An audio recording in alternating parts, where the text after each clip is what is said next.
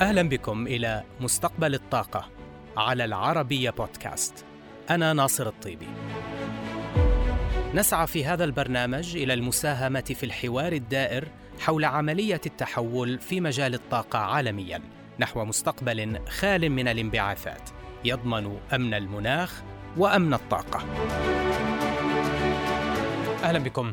اجتماع سريع لمجموعة أوبك بلس انتهى إلى إبقاء سياسة الإنتاج على حالها. ومع ذلك تبقى هناك عوامل عديدة لعدم اليقين حول حجم المعروض النفطي في الأسواق. لعل من أبرزها حجم إنتاج النفط الأمريكي. والذي على مدى العامين الماضيين ظل علامة الاستفهام الكبرى في أسواق النفط.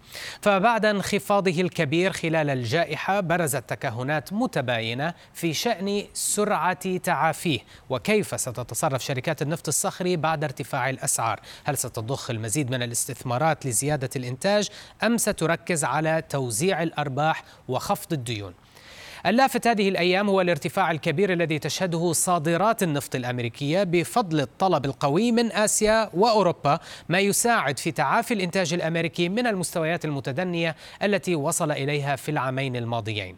والحافز كما هو واضح تسجيل أسعار النفط أعلى مستوياتها في سبع سنوات في ظل ارتفاع الطلب العالمي والتوترات الجيوسياسية في أوكرانيا. فهذا الارتفاع شجع العديد على زيادة الصادرات وخفض الكميات الموجهة للداخل. الصادرات الأمريكية بحرا ارتفعت في الأسابيع القليلة الماضية لتقترب من ثلاثة ملايين برميل يوميا وفق بيانات كابلر الشحنات المحجوزة لشهر فبراير ستتوجه إلى عدد من الدول من بينها الصين وكوريا الجنوبية والهند وفق ما تظهره بيانات ريفينيتيف آيكون لكن لنضع الأمور في سياقها. الإنتاج النفطي الأمريكي كان قد اخترق حاجز الثلاثة عشر مليون برميل يوميا في نهاية عام 2019 بفضل الاستثمارات الكبيرة التي تم ضخها في حقول النفط الصخري. الإنتاج الأمريكي سجل معدلا سنويا قياسيا في ذاك العام عند حوالي 12.3 مليون برميل يوميا لكنه تراجع في ظل الجائحة إلى 11.3 مليون برميل يوميا عام 2020 وإلى أقل من 11.2 مليون برميل يوميا العام الماضي. إدارة معلومات الطاقة الأمريكية تتوقع أن يصل معدل إنتاج النفط الأمريكي إلى 11.8 مليون برميل يوميا هذا العام وليرتفع إلى 12.4 مليون برميل يوميا عام 2023 مسجلا رقما قياسيا جديدا. لنأخذ فكرة عن التوقعات الأخرى لمعدل الإنتاج الأمريكي لهذا العام. كما رأينا إذا إدارة معلومات طاقة تتوقع زيادة بنحو 540 ألف برميل يوميا هذه السنة بينما الرئيس التنفيذي لشركة كونوكو فيليبس يتوقع زيادة الإنتاج الأمريكي بنحو 800 ألف برميل يوميا هذا العام و IHS Markit تتوقع زيادة ب 900 ألف برميل يوميا. لكن على الرغم من كل هذه الزيادات المتوقعة وعلى الرغم من استمرار أوبك بلس في زيادة الإنتاج تدريجيا تبدو السوق قادرة على استيعاب الإمدادات الإضافية حيث تتوقع بلاتس أن تتلقى السوق فائضا من المعروض في الربع الأول لكنها تنبه إلى أن الطاقة الاحتياطية المستدامة لدى مجموعة أوبك بلس ستتقلص إلى 800 ألف برميل يوميا بحلول منتصف هذا العام إذا أبقت المجموعة سياسة زيادة الإنتاج على حالها.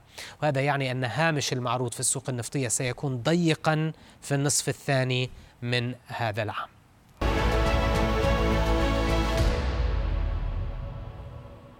وللمزيد مشاهدينا حول آخر تطورات السوق النفطية يسعدني أن ينضم إلي من الرياض المهند الهشبول الخبير والباحث في شؤون النفط. المهند أهلا بك شكرا لانضمامك إلينا. لنبدأ مع العنوان الجيوسياسي الأبرز هذه الأيام الأزمة الأوكرانية.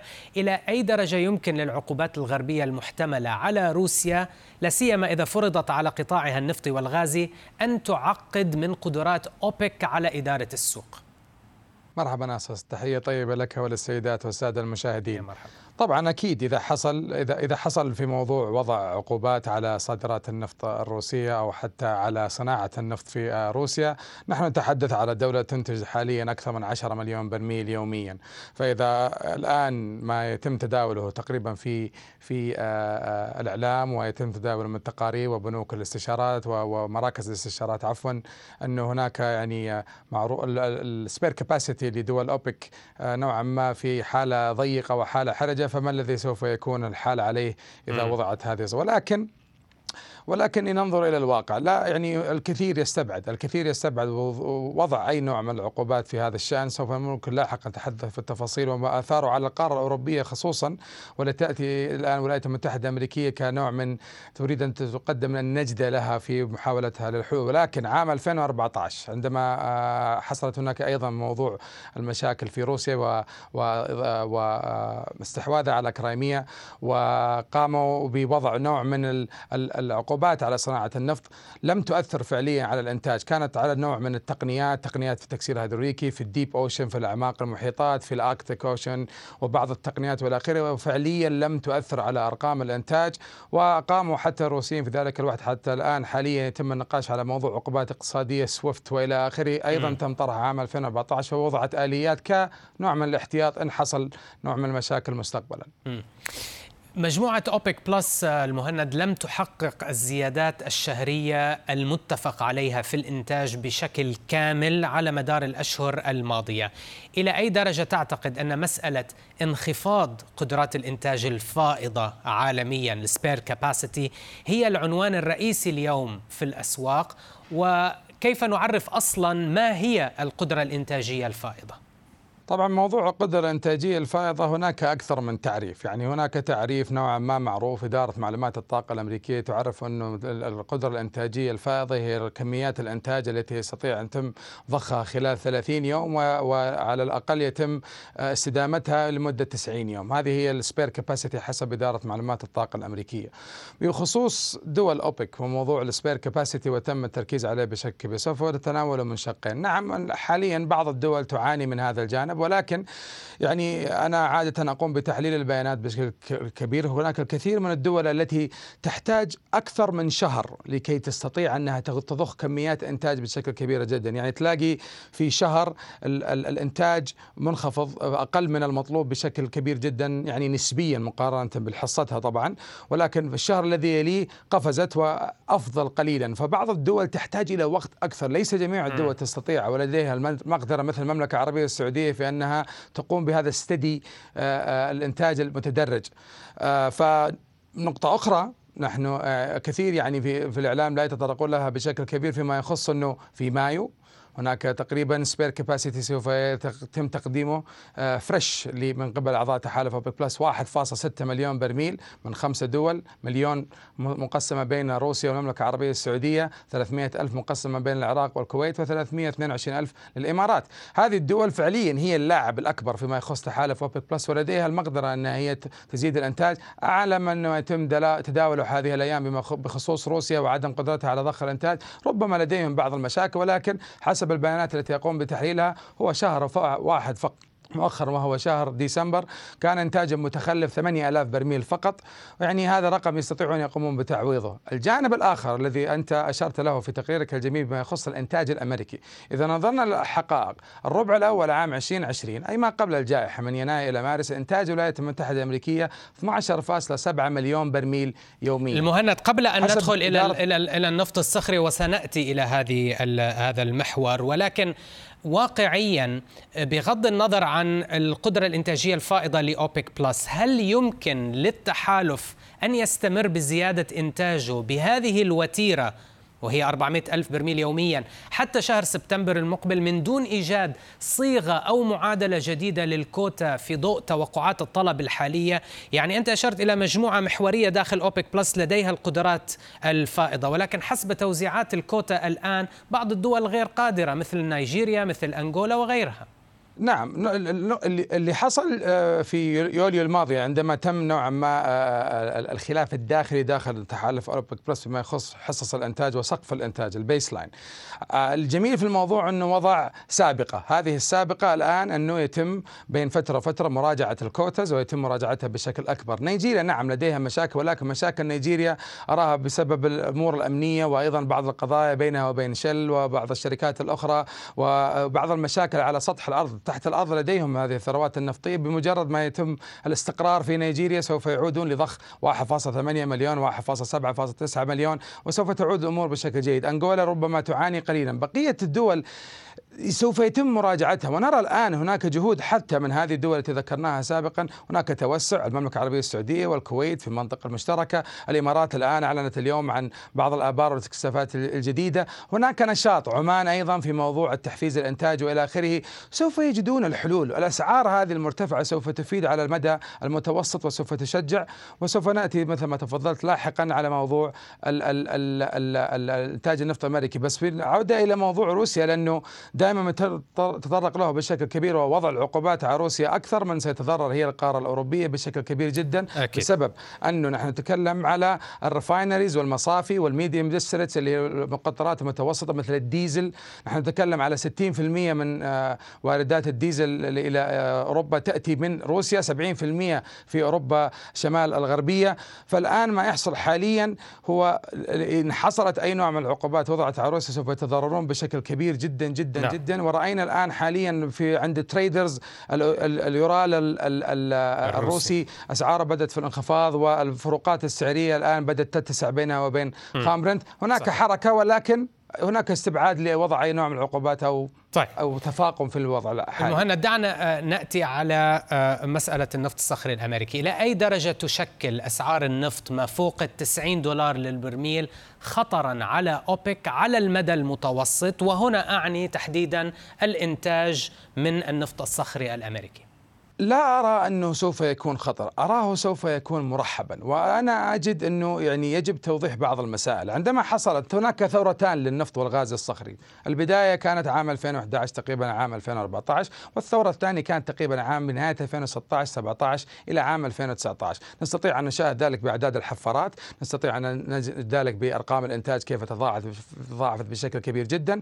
نستطيع أيضا ننظر ذلك في هناك أيضا الآبار اللي تسمى الآبار الغير المكتمله drilled and uncompleted wells أعدادها كانت في كبيرة جدا. لماذا حصلت هذه الأمور؟ كان هناك تحفيز وكان اندوس stimulus للاقتصاد بسبب الانهيار الاقتصادي عام 2008 2009 التقنيات نضجت. شركات صغيرة جدا. في وقت مضى أنا يعني كنت في في ولاية تكساس وكنت قريب من المشهد. في وقت مضى في تكساس كانت عدد الشركات الصغيرة يعني كانت family run businesses يعني آه، أكبر من الشركات الكبيرة. الآن بسبب كورونا هي عجلت في موضوع تم الاستحواذ على احتياجات هذه من قبل الشركات الكبيرة. exactly حصلت إلى الآن في موضوع الشركات الكبيرة والآن أصبح تقنين يريدون الإنتاج يبدأ بشكل تدريجي. وهناك شيء مهم جدا وردته انت في تقريرك. بدأت الآن الأصوات ترتفع من قبل الرؤساء التنفيذيين. إن هذه علامة لإدارات آه، آه، الإدارة الأمريكية والدول الأوروبية إنه يا جماعة نحن الآن في وضع نحتاج إلى التسهيلات. هناك كثير من القيود كثير من العقوبات. نحتاج أن عودة المستثمرين. سوف الآن نحرص حاليا أن توزيعات الأرباح أكثر من زيادة الإنتاج إلا إذا كان هناك تسهيل وعدم وضع عقوبات. الآن حاليا سوف يبدأ الإنتاج يعود بشكل جيد والأسعار سوف تحتم ذلك وسوف تأتي هذه الدول المستهلكة الكبيرة جدا اللي ترى أنه نريد مزيد من الهيدروكربونات وسوف يحصل ذلك وأرى أن الأسواق سوف تعادل. أوبك سوف ترحب بها بشكل كبير جدا لأنه سوف تخفف عنها هذا العبء بالذات أنها الآن تعود بشكل مقنن ومتزن لأنه تقريبا تم الاستحواذ على جميع من هذه الامتيازات النفطية من قبل الشركات الكبيرة. طيب أنا أشكرك جزيل الشكر آه، على وجودك معنا. المهند الهشبول الخبير والباحث في شؤون النفط مباشرة آه، من الرياض. أهلا وسهلا بك في مستقبل الطاقة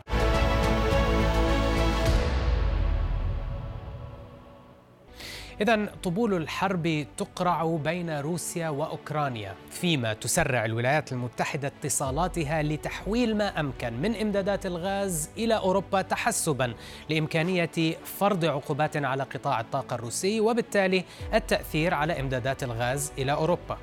صادرات الغاز الروسية إلى أوروبا بلغت العام الماضي نحو 130 مليار متر مكعب. وظلت الأكبر بلا منازع على الرغم من انخفاضها في الأشهر الماضية. من الواضح أن ما من دولة قادرة على تعويض الإمدادات الروسية.